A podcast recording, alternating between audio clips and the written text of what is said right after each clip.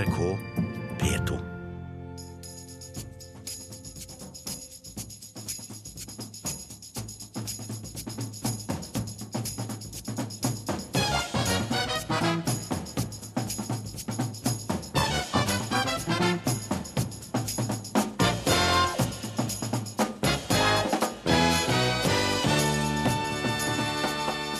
tidenes sureste tap for håndballgutta.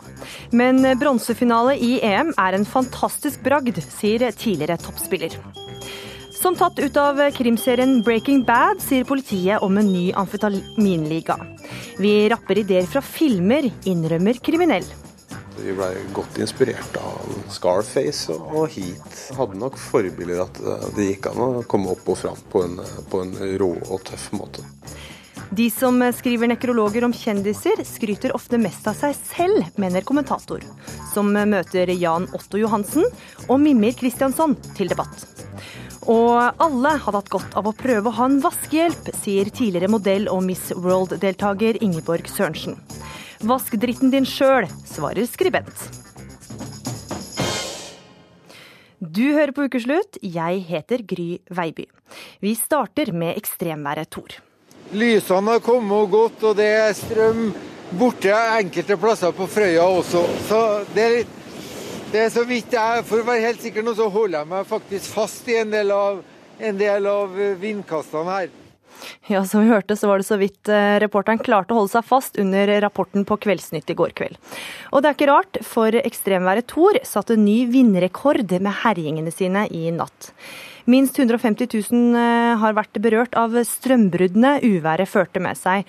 Og Maria Vevang, du er med fra Ålesund, som har vært hardt ramma i natt. Hvordan ser det ut i Ålesund-området i dag? Du, I dag så holder eh, folk på å rydde opp etter eh, Tors herjinger. Det er fortsatt eh, en god del vind, og det kommer sånne store vindkast fortsatt, selv om det ikke er på samme nivå som i går kveld. Men det er mye regn denne lørdags ettermiddagen. Det er få folk ute i sentrumsgatene. og de få folka jeg har møtt på nå i sentrum, har hatt på seg ekstremt mye klær denne lørdagen. Ja, hvordan var Tor da han var på sitt verste? Du, på det meste så var det 9000 husstander uten eh, strøm her i Møre og Romsdal. En del av de har fått eh, strømmen tilbake nå i dag.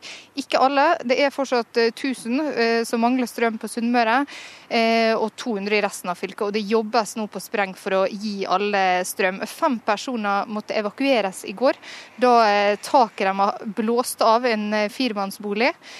Garasjer og naust har kollapsa, trær har falt ned og sperra veier. Offshore offshore-skip har eh, slitt seg fra verft. Eh, og til og med taket på ÅFK sin fotballstadion løsna i går, slik at det, hovedveien inn til Ålesund ble stengt i seks timer. Og nå i eh, morgentimene så har de da holdt på å rydde opp igjen på fotballstadion. Jeg snakka med dem for litt siden, og da skulle de kalle inn enda mer mannskap fra klokka tolv. Mm. Du har også snakka med politiet, hva sier de? Jo, Politiet har jo hatt det ekstremt hektisk i går kveld. Hadde veldig mange oppdrag eh, før midnatt. I dag så har folk eh, også ringt politiet, for nå har de da kommet ut i lyset, ut i hagene sine og begynt å se skade.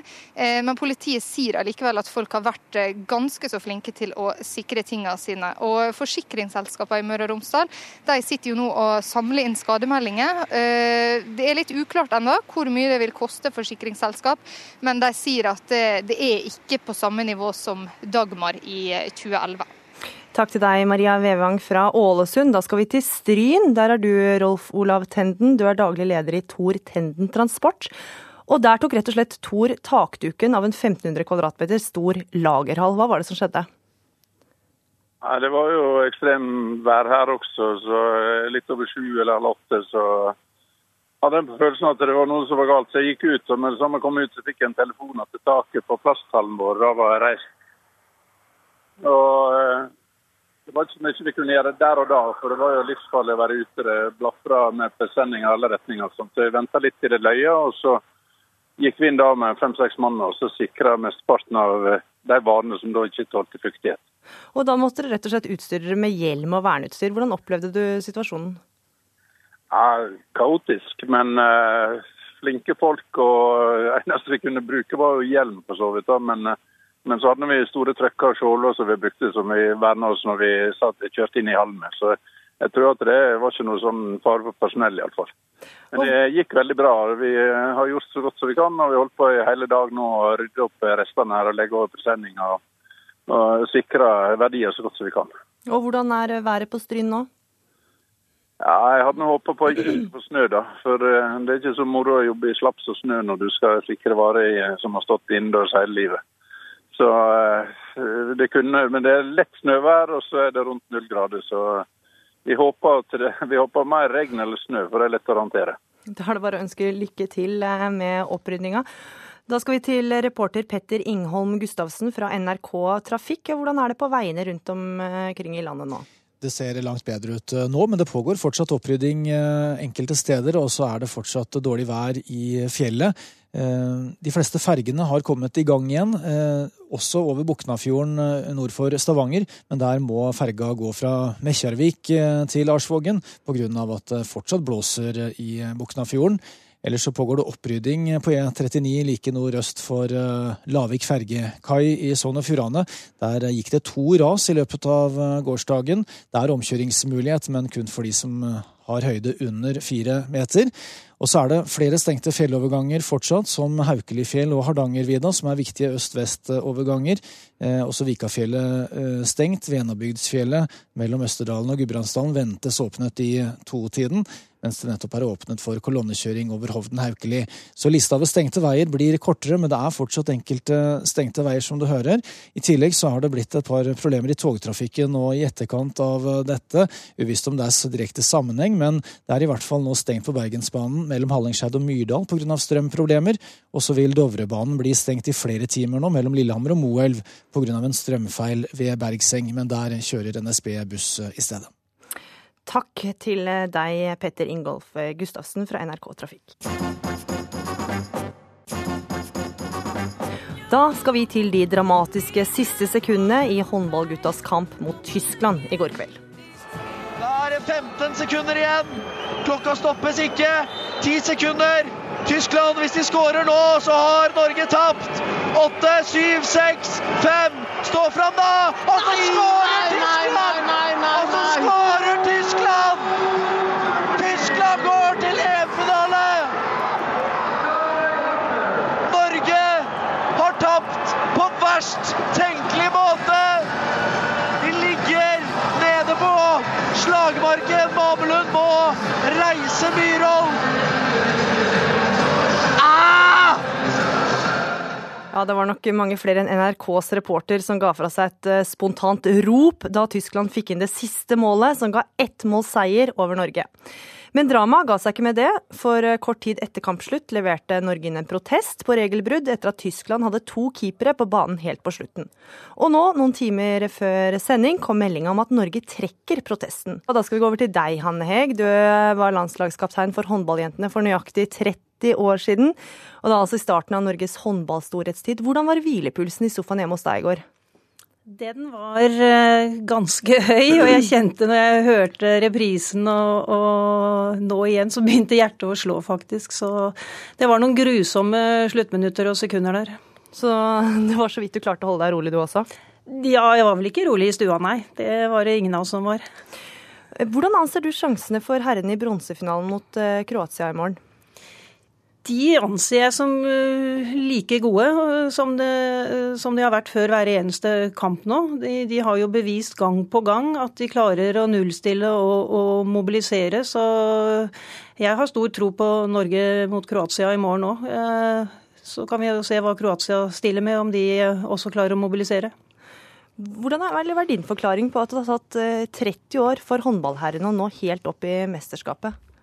Ja, det er jo flere ting. For det første så var nok vi i vårt gjennombrudd vi, vi var nok litt sånn på rett plass med rett spillere og ikke minst en rett og gal trener. Jo, det er en, et kompliment til Sven Tore, det. Vi hadde en trener som fikk oss til å tro at vi kunne gå gjennom, gjennom veggen. Og litt tilfeldigheter og litt flaks, så, så klarte vi det den gangen mot Øst-Tyskland å, å vinne bronsefinalen. Gutta har nok hatt en litt tøffere vei å gå. Det er mange gode lag, og på den tida også, men også for oss, så var det jo viktig for disse østblokknasjonene å være gode i idrett. Og det, det, det var tøft å, å hamle opp med de. Eh, etter hvert så har vi spillere ute nå i eh, gode europeiske klubber, som ikke minst nå i de senere årene har viktige roller i de laget. Spiller mye, har gått med spilletid, har vært i tøffe kamper. Eh, det tror jeg kanskje er den største forskjellen fra 30 år siden for gutta og til i dag. Da. At nå er våre norske gutter sentrale de, på de lagene de spiller ute. Mm. Vi skal tilbake til kommentator Patrick Steen Rowland. Hvorfor trakk trakk Norge protesten eh, for noen timer siden? Nei, Det er rett og slett fordi at de eh, for det første skjønte at dette ikke kom til å føre noe som sted hen. Det kommer ikke til å føre fram. Eh, det var ja, et regelbrudd fra det tyske laget, men det er ikke tid i et mesterskap til å spille et sånt sluttspill eller en sånn kamp på nytt. Og det norske laget valgte til slutt å, å trekke protesten. Men de ville statuere et eksempel Eh, vår håndballekspert Håvard Tveten mener at eh, den protesten burde blitt stående hele veien hjem for å få sendt hjem den funksjonæren som eh, ikke var våken på slutten av kampen, men som det sies i pressemeldinga fra, fra landslaget, kamper de skal vinnes eller tapes på parketten. De skal ikke vinnes eller tapes på et møterom. Og, og Derfor så tok de en voksen avgjørelse og valgte å, eh, å, trekke tilbake protesten. Men jeg må også nevne at jeg har nettopp snakket med den eh, tyske, eh, eller landslagssjefen for det tyske landslaget. Han sier at ja, det er helt klart et regelbrudd.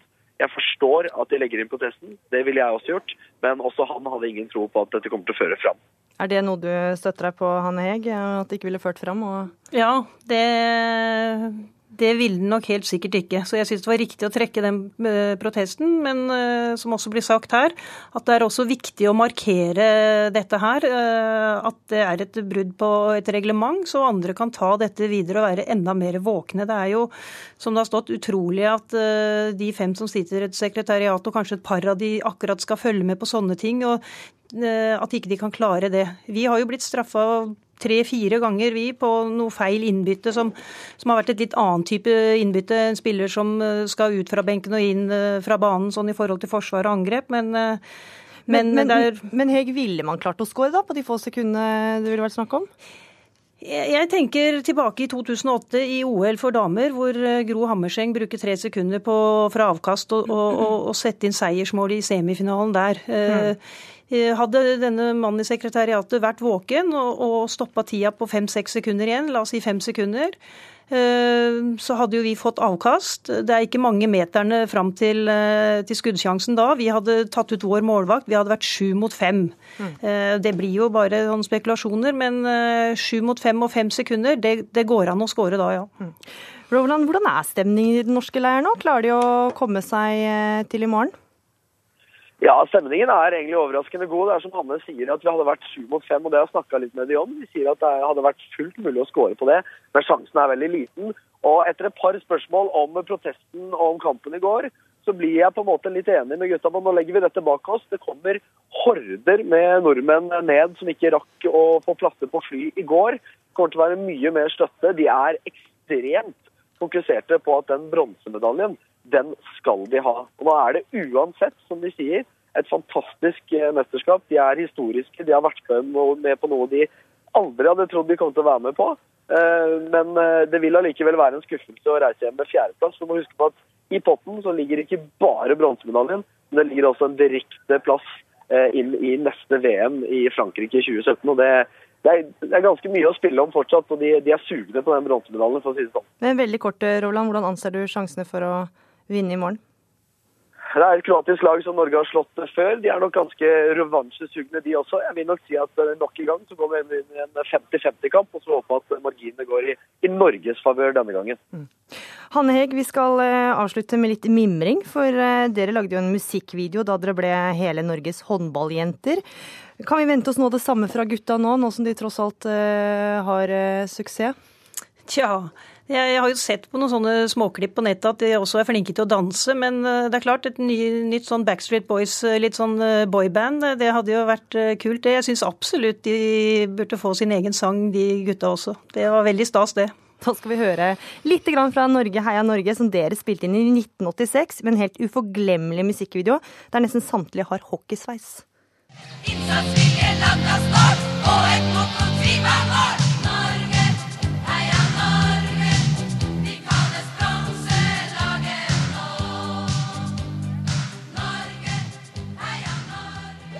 Det er jo det jeg sier! Jeg får skjolder! Ja, de moderne pussemidler kan aldri konkurrere med gammeldags godt såpevann. Tenk om å være nødt til å ligge ved siden av en sånn inntørket, mosegrodd, salmiakkduftende pusseklut som deg. Og med din interesse for støv, så kunne du til og med risikere å bli bestøvet. Husmødrene er i dag grepet av en psykose som mer og mer utarter til galskap.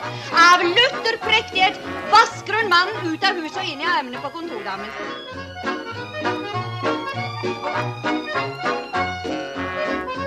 Ja, Hvem hadde vel trodd at filmklassikeren Støv på hjernen fra 1959 igjen skulle bli aktuell? For denne uka har det vært mye snakk om pusseklut og vaskekost. For hvem skal vaske hjemme? Jeg bruker ikke vaskehjelp.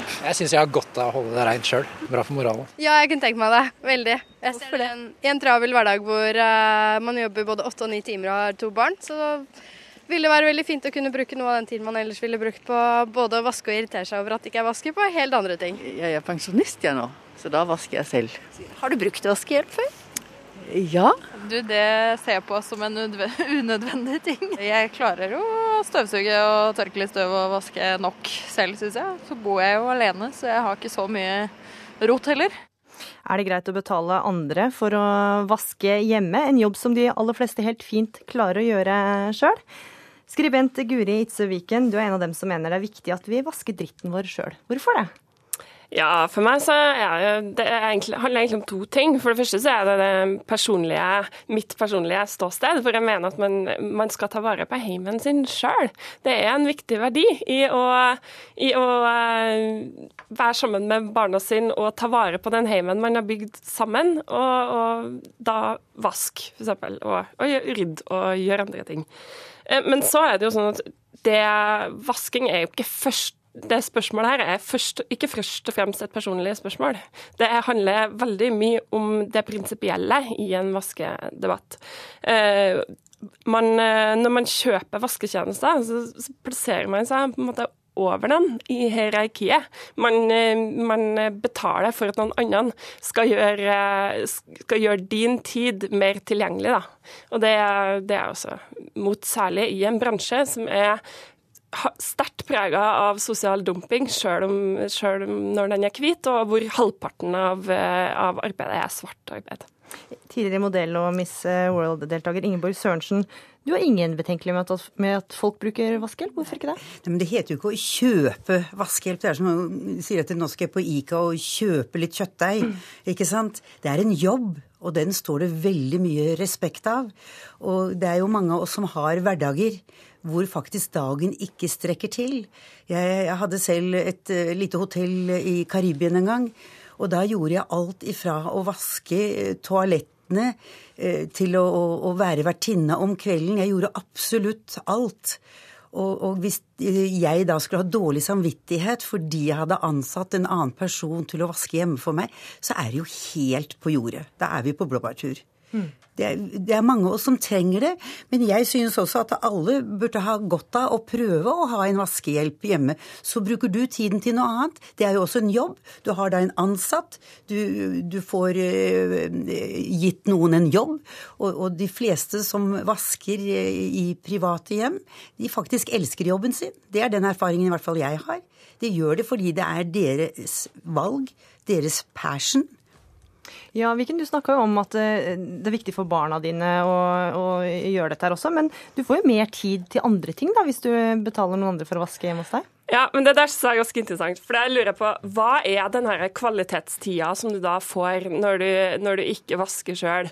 Hva, hva, er det jeg skal gjøre sammen med barna mine som liksom er så fantastisk? Jeg må si, jeg har vokst opp i et hjem hvor begge mine foreldre jobba sjukt masse, i tillegg til at de hadde politiske verv, i tillegg til at de drev en sauegård. Sånn at eh, jeg var ikke så veldig mye, satt ikke så veldig mye i sofaen og så TV sammen med far min. Jeg var ute og jobba på gården sammen med far min. Jeg var på diverse aviskontor sammen med mor mi i helga.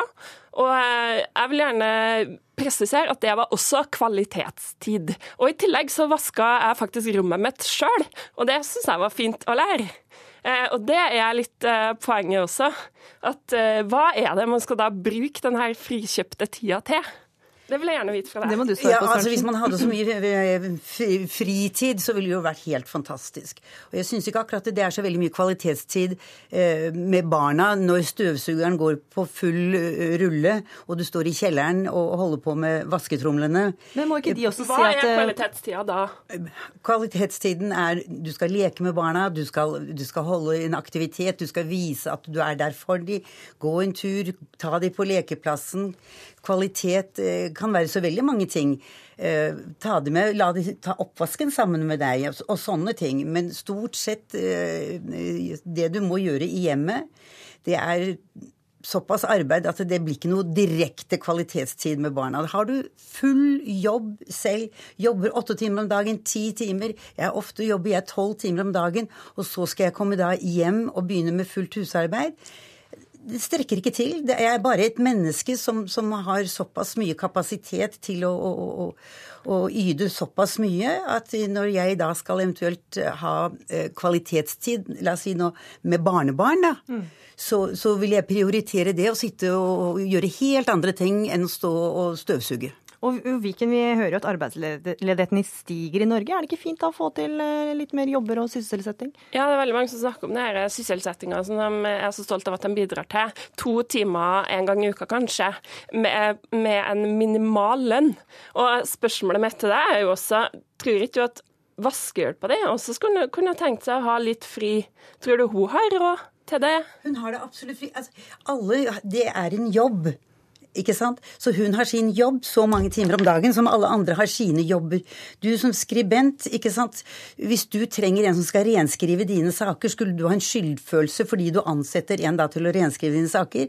Skulle en snekker som bygger sitt eget hus ha en skyldfølelse fordi han ikke klarer å bygge huset selv, han må ha litt hjelp? Skulle han ha skyldfølelse for det? Nei, absolutt ikke. Nei, men det det blir jo egentlig i prinsippet, så er det egentlig betaler, det samme. Jeg betaler snekkeren min 1000 kroner timen. Eh, Det gjør jeg med glede, fordi det vet jeg at han eh, trenger og fortjener. Men hvorfor er det Eh, En forskjell, ja, hvorfor er det forskjell på å få noen til å vaske hjemme hos deg, og f.eks. få noen til å male veggen din? Fordi en vaskehjelp får maks 250 kroner timen, og det er veldig lite. I tillegg til at den vaskehjelpa sannsynligvis enten drive et enkeltmannsforetak, hvor eh, hun eller han er nødt til å bruke en del tid som de ikke får betalt for, eh, og i tillegg til at eller de jobber for et stort selskap som presser prisene voldsomt, og som derfor også presser lønningene voldsomt. Det er klart at det er flere og flere i det norske samfunnet som får råd til vaskehjelp, men, eh, men vaskehjelpa får ikke råd til vaskehjelp av den grunn, for dem får jo mindre og mindre lønn. Og, det er jo, og da blir det jo et klasseskille mellom de som, som har råd til å da kjøpe seg den her fantastiske kvalitetstida, som vi ennå ikke har fått definert, og de som, eh, de som da er er nødt til å jobbe kanskje dobbelt for å overhodet overleve. Men alle kan ikke være advokater eller leger. Og vi må, være, vi må dekke alle yrkesgrener for at hjulet skal gå rundt. Og det, det var alt vi rakk i ukeslutt. Tusen takk for at dere kom, Guri Itse Viken og Ingeborg Sørensen. Du hører på Ukeslutt, og det må du fortsette med også den neste halvtimen. Til deg som er skurk, hvilke filmer gir deg de beste ideene? Og hver femte nordmenn, nordmann tror vi kan kontakte de døde. Ifølge lederen for Norsk spiritualistforening er det som å stille inn en radio. Jeg du På grensen av stasjonen så skurrer det litt, og da får du bare en broker av det som sies. Er du truffet helt på stasjonen, ja, så er den tydelig, ikke sant.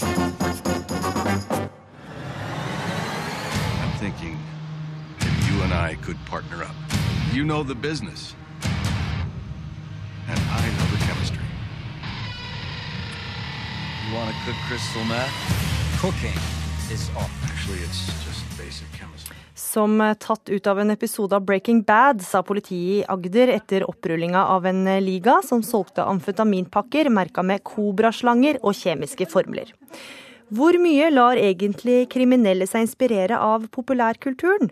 Filmer som Gudfaren og serier som Narcos. Ukesluttsreporter eh, Åsa Vartdal spurte ekte gangstere som har levd det livet vi andre bare ser på film.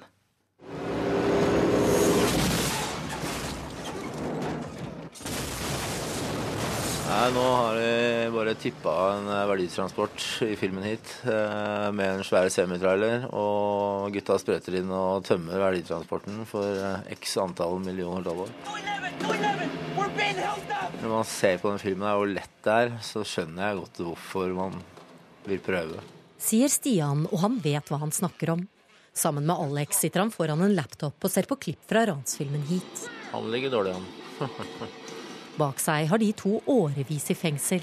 Alex for salg av våpen og narkotika. Stian har tolv dommer på seg. Alt fra grov mishandling, kidnapping til vinning til tjuvbiljakter. Altså som tatt ut av en gangsterserie. De ser at det er lett å la seg rive med av de slemme gutta som dyrkes i filmer, serier og musikk. ser jo når På musikkvideoene så prøver jo guttene å framstå som skikkelig kriminelle. De er fulltatoverte, de har store, tjukke gullkjeder, bling-bling-klokker og fancy biler og pene damer. Det er jo så mye av det. Eh, Du har, jo- sånn som på Netflix så har du Narkos, som eh, handler om Escobar.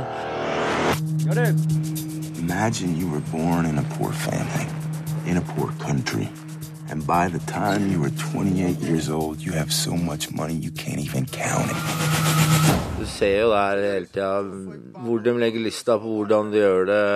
Alle triksa i boka. Noen er brukt opp, men noen er fortsatt ikke brukt opp. Og det vil til enhver tid være folk som prøver å bruke de triksa som ikke er, ikke er brukt opp. Så her er skrivestua di. Jeg har, jo, jeg har jo prøvd å innrømme det altså det, kontoret er litt sånn som du ser på TV, ikke sant? Fra, fra nettforskningen da, med, med på veggen et kart, ikke sant? Med litt forskjellige åstedsbilder. I et mørkt rom i et gammelt trehus i Stavern skriver Jørn Lier Horst på sin neste kriminalroman. Den som skal bli nummer 31 i rekken og føye seg inn i stablene med bøker som tårner seg opp rundt den tidligere politimannen. Så jeg har jo måttet stable litt på gulvet og på stoler og sånt nå. Bøker som også ligger på utlånstoppen i norske fengselsbibliotek. Når du sitter og skriver, tenker du noen gang over at de eh, smarte tingene du finner på, kan faktisk brukes av kriminelle? Nei, altså Jeg skrev jo en bok en gang som heter 'Kriminalteknikk', som er en faktabok for barn om, eh, om politiarbeid. Om, om eh, DNA, og fingeravtrykk og blodspor og den slags. Og det husker jeg, det var jo en bok som vi av og til fant altså, når vi ransaka huset. og Den lå gjerne på nattbordet eller på dass eller et eller annet sånt noe. Eh, Men de fant jo ikke mer i den boka der altså, enn det som, som de kunne lese seg til ellers. Horst vil verken ta æren eller skylden for utspekulerte kriminelle handlinger i det virkelige liv. Men noen ganger kan man begynne å lure. Så skrev jeg jo en gang altså, sammen med Jarl Emsen Larsen skrev jeg 'Konan Hunter', som kanskje mange så på TV. Der er et nokså sånn spektakulært eh, eh, ran av en pengesentral. Da, med, de kommer med helikopter og sånt. Hører du helikopteren? Og så gikk det et par år, og så er det jo en sånn der albansk liga da, som gjennomfører nettopp et sånt uh, ran uh, i Stockholm uh, med helikopter, og flukten går der til. Men jeg tror ikke de hadde verken lest eller sett Konan Hunter, altså. Men det sier jo én ting, da. Det er jo på en måte eh, For det opplever vi som skriver bøker, at, at virkeligheten innhenter jo fiksjonen. Eh, så det er ikke den eneste gangen jeg opplever at eh, ting jeg har skrevet, altså at, at det skjer etterpå, faktisk. I fjor skrev Horst også boken Bad Boy om og sammen med denne mannen. Jeg husker ikke hvem som hadde Whoop, whoop, a sound of police. Trond Einar Frednes, som var en av Norges verstinger. Jeg har vært yrkeskriminell i nærmere 23 år, eh, så det er klart at jeg har plukka opp de fleste triks som er eh, for å sno meg rundt og sånne ting. Og det er klart mange av de eh, små triksa har eh, vært kanskje inspirert av, av film. På 1990- og 2000-tallet var han dypt inne i det kriminelle miljøet i Vestfold, og ble regnet som en av landets farligste menn. Her har du jo egentlig en av de første eh, som heter Blodets bånd. da. Eh, blood in, blood out. En av de første som kom i 93, den filmen, som handler da om eh, det latinamerikanske miljøet. Most of these cons don't click. They're just filling space, doing time. It's the gangs that run this place. Og mye av det her smitta veldig fort over hit, og, og fenga veldig. Eh, Vi hadde jo favorittfilmer som Heat og, og sto bak eh, store ran, og, og, og det smalt godt noen ganger. Og det er klart at vi blei godt inspirert av, av, av både Scarface og, Heat. Og hadde, hadde nok forbilder at det gikk an å komme opp og fram på en, på en rå og tøff måte. Men det som virket tøft og enkelt på skjermen, var ikke like kult i virkeligheten. Etter å ha tilbrakt nesten en tredjedel av livet i fengsel, fant Frednes ut at det var nok. Da møter du de ekte, ekte gutta som har holdt på en stund, og de utnytter deg og ødelegger deg. Og når du er ferdig, så er du ingenting. Nå reiser han rundt på skoler og i fengsler med sitt eget Badboy-prosjekt, for å snakke unge fra det kriminelle livet som kan se så fristende ut for noen. Ta en titt på denne videoen her. Her ser vi en gjeng unge, unge menn. Masse hvitt pulver. Du ser også det har vært baking soda og sånne ting, så du vet at de har laga crack. Pistoler, bunter med penger, så du vet at eh, på en måte de er rulla som eh, det er lange, lange virksomhet som går. En ungdom som sitter og ser dette her, vil jo med en gang tenke at ja, sånn foregår det. Men det er jo ikke sånn det foregår. Dere to vet klart hva dere skal gjøre. Tilbake i Oslo er Stian og Alex på redaksjonsmøte i Røverradioen. En radiokanal for innsatte i norske fengsler. For det er jo podkastkurs i morgen. Stian, som nå er en fri mann, er programleder. Alex er snart ferdig å sone og tar seg av administrasjonen. Nå er begge i 40-årene og lei av det som har vært alt annet enn et liv i paradis. For nå tenker jeg bare en ting, at det, ikke mer bak de der slitne murene. Det holder. Altså. Man må bare kutte ut de fristelsene, og hvis fristelsen er å se på en film, så får man bare kutte ut å se de filmene, rett og slett. Og de tror det er flere enn de kriminelle som bør unngå å leve seg for mye inn i serier som Breaking Bad. Jeg tror at eh, vanlige mennesker eh, som er oppe i en litt vanskelig livssituasjon, hvor en kanskje har mista jobb eh, og står i fare for å miste hus og hjem, bil og verdier, at de har lyst til å bli inspirert av serier og filmer som har med kriminalitet å gjøre. De ser enkle muligheter til å tjene raske penger, og det får som regel eh, fatale følger. Det blir fengselsstraff, og ting går som regel gærent.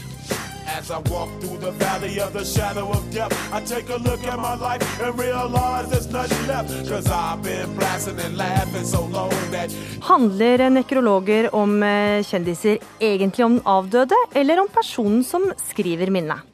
Den siste tida har det blitt en inflasjon over antallet nekrologer over eh, framtredende avdøde personer. Det skriver du, eh, Jon Rognlien. Du er kritiker og kommentator i Dagbladet. Og spør om disse nekrologskriverne egentlig har noe annet formål enn å eksponere seg selv. Hva mener du med det?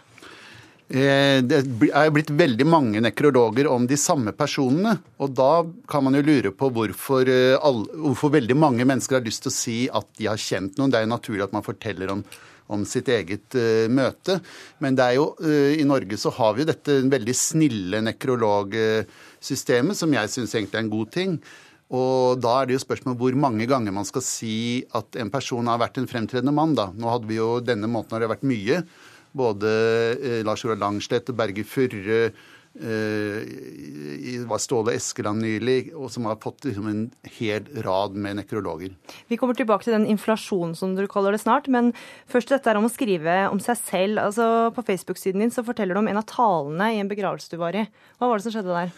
Nei, det var en, en, en slektning av meg da, som for så vidt var en fremtredende mann. Og der var det en kar som, og som også var en veldig berømt mann, da, som reiste seg og holdt en ganske lang tale. da, Ubehagelig lang. Eh, som tale kan være. Og han snakket bare om seg sjøl, om hvordan han hadde hatt med, med onkelen min å gjøre. og liksom, Det ble veldig pinlig, da, og veldig mange satt og kikket ned og, og syntes dette var pinlig. fordi at på en eller annen måte så må man jo komme litt ut av seg selv for at det skal bli interessant. Eh, Det er jo interessant å høre hvordan folk har opplevd andre personer.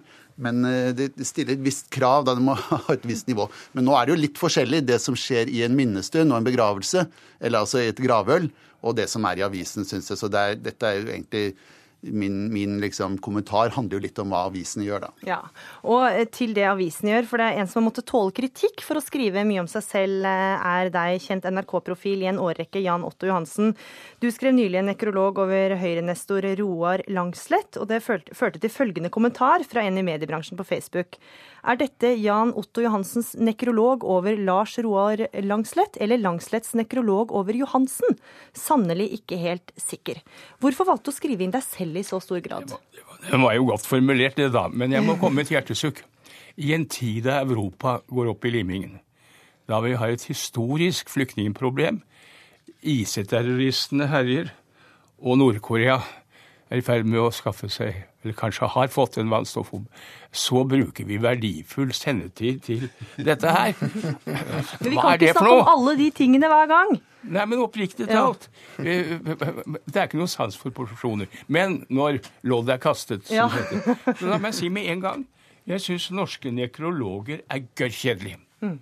De er stort sett helt uinteressante. Og jeg har drevet og studert engelske helt siden jeg begynte å arbeide med dr. Samuel Johnson. Og i engelske, britiske nekrologer sies alt. Der står det om du har vært en horebukk, eller om du har drevet med folk fra eget kjønn. Det står om du har vært Det står alt! Eh, Og jeg syns at derfor at norske blir altfor snille.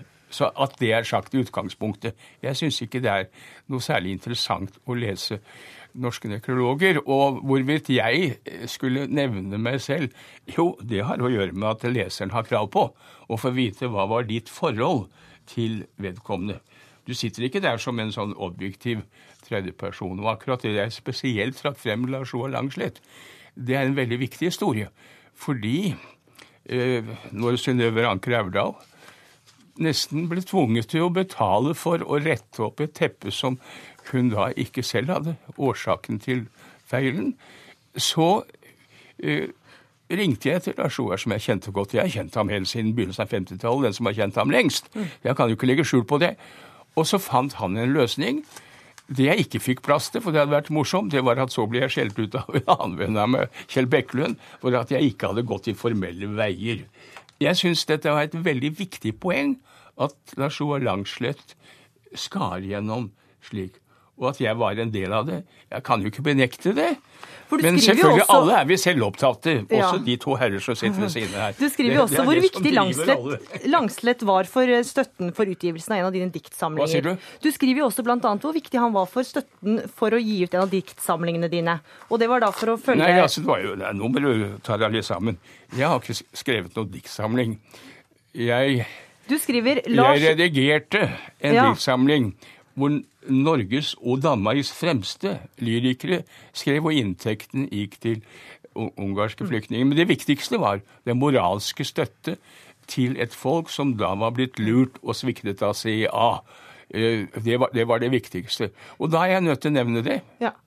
Eh, Rognlien, er det så ille å bruke litt av seg selv i en nekrolog, da? Nei, det syns jeg ikke. Men eh, nå, nå er det jo for så vidt mengden som jeg reagerer på. Og jeg, jeg, jeg syns egentlig norske nekrologer er litt ålreite, fordi de er litt snille. Og det er riktig som Jan Otto sier om at engelske der sier de alt og er ganske, kan være ganske grusomme. Men vi, vi holder oss jo litt til dette at man skal ikke si noe stygt om de døde. Ja, og da skal vi til mengden, for det er nemlig én avis som eh, skiller seg særlig ut. Og da skal vi trekke inn tredjeperson i dette eh, panelet, Mimmi Kristiansson. Du er nyhetsleder i Klassekampen, og det er altså denne avisen som Rognlien eh, trakk ut som særlig eh, nekrofil, er det det du kalte det, Rognlien? Eh, og Kristiansson, du satt nylig her i Ukeslutt og klagde over medienes overdekking av David Bowies død. Og vi kan jo si det samme om dere. Vi fant elleve nekrologer om SV-veteran Berge Furre, og fem om eh, jusnestoren Ståle Eskeland i Klassekampen. Fins det ingen grense for hvor mange ganger vi skal leve, lese om levd liv i nekrologform? Så det er jo en, eh, to diskusjoner her. Det ene handler om kvaliteten på nekrologene. Og det andre handler jo om eh, man skal ta imot de nekrologene man får inn, og mennesker som eh, har noe å si om de som nettopp har dødd, sender inn. Og Der tror nok vi velger å være ganske rause. Og ta Berge Furre som eksempel, så vil de jo se at han har betydd en hel eh, mengde på mange ulike fronter. Eh, han har vært eh, teolog, han har vært SF-nestor, han har vært viktig for bøndene, han har vært viktig for målsaken.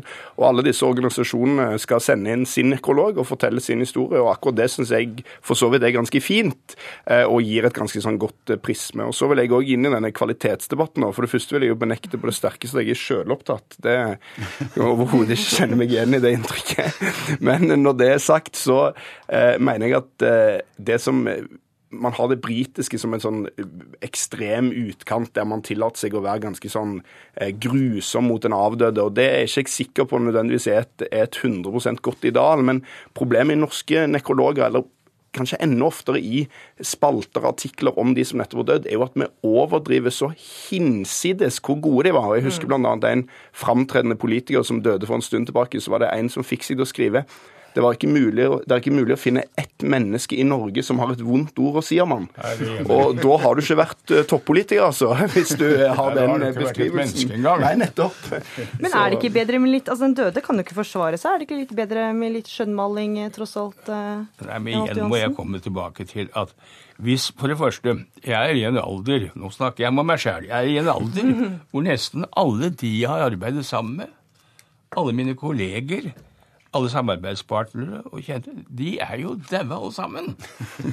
Og selvfølgelig må man kunne skrive om døde. Og hvis man ikke skal kunne skrive kritisk om døde, hvem skal man da skrive kritisk om? Jeg husker jeg fikk et raseri i norsk presse fordi jeg omtalte en tidligere medarbeider i Dagbladet som var min viktigste støtte da vi reddet tabloiden for Kjell Kortsens greier, og de skulle ha ved kultur og absolutt alt. Han var i sin tid alkoholiker, men så overvant han det. Og jeg ga, jeg ga ham full, full anerkjennelse for det. Da jeg holdt opp et, svart bakteppe for å vise hvor fantastisk rolle og hva han var. Nei, det ble jeg skjelt ut. Skulle aldri ha skrevet at noen har vært alkoholiker. Den dagen folk ikke kan skrive at jeg var en rabagast, kan skrive hva de vil. Men jeg benekter selvfølgelig så lenge jeg er levende å svare på dumme Dagbladet-spørsmål om uh, hvem har du hatt et forhold til. Da svarer jeg alltid 'ingen nevnt, ingen glemt'. Og så blir folk helt skuffet. Ja, men hva sier kona di? Jeg har aldri offentliggjort en bok eller en tekst uten at hun har lest det. Fungerer litterært, sier hun. I orden. Hvis ikke, ut med det. Jeg bare også si at Nå snakker vi om nekrologer og om eldre folk, men selvopptatte folk finnes det jo i alle generasjoner. Jeg var jo nylig en 30-årsdag der jeg hadde samme opplevelse som det Jon hadde i denne begravelsen. En fyr som skulle snakke for eh, bursdagsbarnet og bare snakket om seg sjøl. Og denne selvopptattheten, den Jeg har jo skrevet to bøker om meg sjøl, så jeg skal for all del ikke eh, sitte på noen høy hest, men det er jo et en ting som nå rir vår kultur. Man klarer jo nesten ikke å lese en bokanmeldelse eller en filmanmeldelse uten at de som skriver skal fortelle om seg sjøl, sitt forhold til verket. Noen ganger kan man liksom rett og slett ikke få peiling på hva som står i bøkene som blir anmeldt en gang, fordi at anmelderen skriver om, Men eh, en om ting seg der, sjøl. Mimi, når du klaga på de som skrev om Bowie på internett, og, og alle de som hadde den personlige vinklingen, så syns jeg det er, tilhører et område som det egentlig er ålreit. Altså at, mer uoffisielt. Men når avisen kjører så svære oppslag om det, så betyr det jo egentlig at andre mennesker drukner. Det er jo det som egentlig er mitt eh, egentlig bekymring. For at jeg liker de derre smånekrologene over en eller annen aktivist eller en eller annen viktig person, hvor vennene skriver og liksom hun har stått på hele sitt liv, hun fikk kreft, hun klarte, hun tapte kampen, som er liksom den, den historien. Ett menneske, én nekrolog. Og da fikk du siste ord i denne nekrologdebatten. Tusen takk for at eh, dere kom. Når siste farvel er tatt og nekrologen er skrevet, er det ikke alle som gir opp. For hver femte nordmann tror at vi kan ha kontakt med døde mennesker. Det fins lite forskning på spiritisme, men nå har religionsviter Anne Kalvig studert spiritismen slik den er i Norge i dag. Ukesluttsreporter Linn Beate Gabrielsen dro på kurs for dem som ønsker å være medium mellom levende og døde. Har med en mann, da. Eh, Kan du forstå en mann eh, som er ute og fisker, og han har på seg et typisk eh, Jeg vil kalle det et friluftsutstyr, men grålig i, fargen. Det er en vanlig, nærmest jakke. Vindjakke. Han har en sixpence, og han står og fisker. Og for meg så ser det ut som han driver med fluefiske. Jeg skjønner med en gang hvem den eh, beskrivelsen passer på, der jeg sitter alene i et mørkt rom med medie-Odd Arne. Men den passer kanskje på flere der ute? Er dette bestefaren din, Hamås? Det kan stemme. Det kan stemme på morssiden din. Mm. I en hvit villa på vestkanten er det kurs i mentalt mediumskap. Tilsynelatende helt vanlige folk i alle aldre drikker kaffe, spiser kaker og ler. Ok, da tror jeg vi skal sette i gang her, dere. André Kirsebom er spirituell prest. Han er veldig opptatt av at de må få fram gode nok bevis. Så har nå med å prøve å kutte ut disse svada-bevisene som er veldig selvfølgeligheter. Og prøve å ha mest mulig av de som er gode. Sånn at Hvis jeg sier at jeg har med meg en mann som gikk over som er 30 og som ikke brukte olabukser, så vil 99% brukte det. Hvis jeg sier at han levde i våre dager og brukte cordflay-bukser, de er ikke så mange. Så da er det interessant. Heidi reiser seg. Hun sier hun har en ånd med seg. Hun viser seg som meget slank og gikk bort ganske tidlig. Hvem kan kjenne igjen det? Du kan kjenne igjen det. Kan du forstå at hun hadde litt dårlige tenner? Hver femte nordmann tror det er mulig å ha kontakt med døde. 5% sier de har hatt kontakt. Religionsviter Anne Kalvig er en av få som har forsket på temaet siden det oppsto i 1848. Det sorterer i dag inn under parapsykologien, men det er, det er i randsonen, kan en si, av den etablerte vitenskapen. Så det er liksom ikke, det er ikke allment eh, godkjent. Det er jo høyst kontroversielt. Og det var det òg tidligere i spiritismens klassiske fase, men da var det mye mer utforsking av dette, faktisk. Og en del undersøkelser konkluderte jo òg med at mediene som, som ble, ble, undersøkt, at de var eh, svindlere, at de hadde sine metoder og hjelpere. Og, men det var òg en god del eh, undersøkelser av eh, anerkjente vitenskapsmenn som, som, konkluderte med at en ikke fant noen form for lureri og bedrag involvert. André Kirsebom mener de har bevis for at det er kontakt. Jeg vet at vi kan ha kontakt med andre men det betyr ikke at jeg kjøper alt som kommer eh, på markedet, for å si det sånn. Vår jobb som medium er jo også å prøve å bevise dette så godt som mulig på den ene, andre og tredje måten. Og det har vi gjort gang på gang på gang, og gjør fremdeles gang på gang på gang. Ja, Hvordan da? Gjennom mediumskap. Når jeg sitter og forteller deg ting om en av dine kjære, som jeg ikke har peiling på, og du kan forstå at den informasjonen må jeg ha fått fra et eller annet sted, så vil du forstå at jeg har den kontakten. Hvorfor er ikke de døde, døde tydeligere? For det, dere opplever mye kritikk ikke sant? på at dette her er veldig vagt. Hvorfor kommer ikke de bare og sier 'jeg heter eh, Erling Olsen, jeg har en beskjed til eh, Anne Jensen'? Hvorfor kan vi ikke fly over til New York på 20 minutter? Vi har ikke nok energi per dags dato. Og det er det samme som åndeverden. De har ikke nok energi som de kan bruke når de ikke har en fysisk kropp. Ergo så kommer de med den energien som de føler at de kan bruke, og som de er fornuftige å bruke. Ok, så sitter jeg der altså plutselig, alene med Odd Arne og morfar muligens. Han viser meg også en, at han eh, arbeider på med kontor jeg ser han er, litt tynn i håret. Ehm, han eh, har på seg en brunlig dress på arbeidet. Kan du forstå det?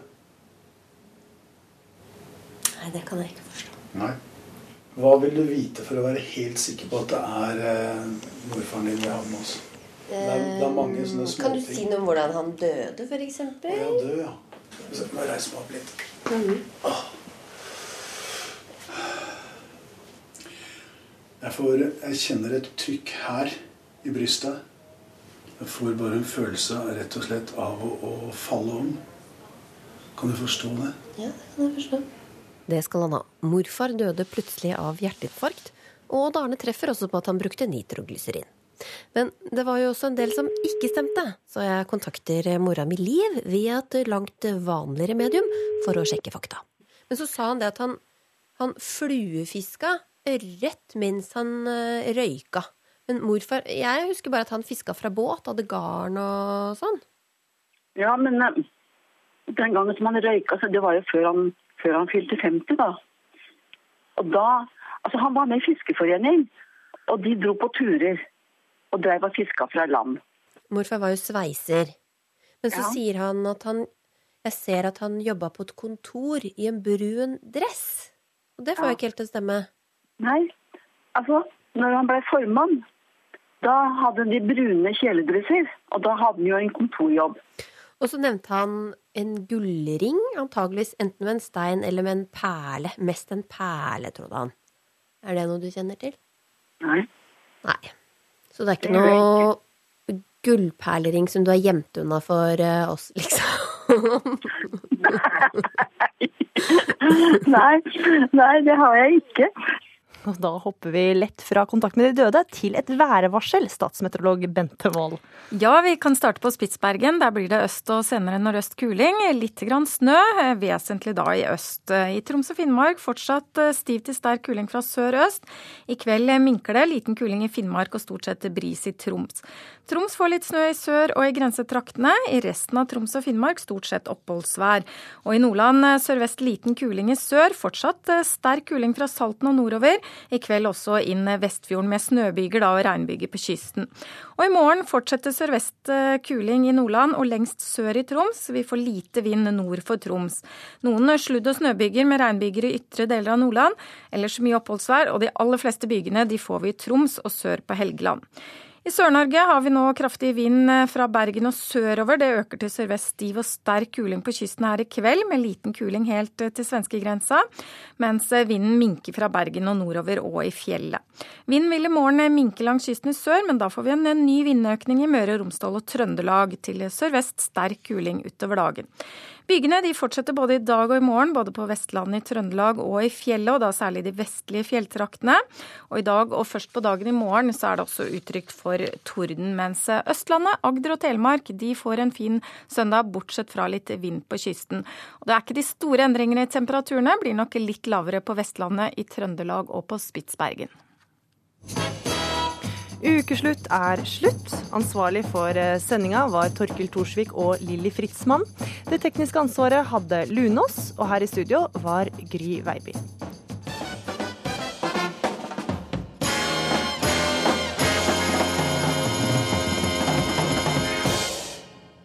Hør flere podkaster på nrk.no podkast.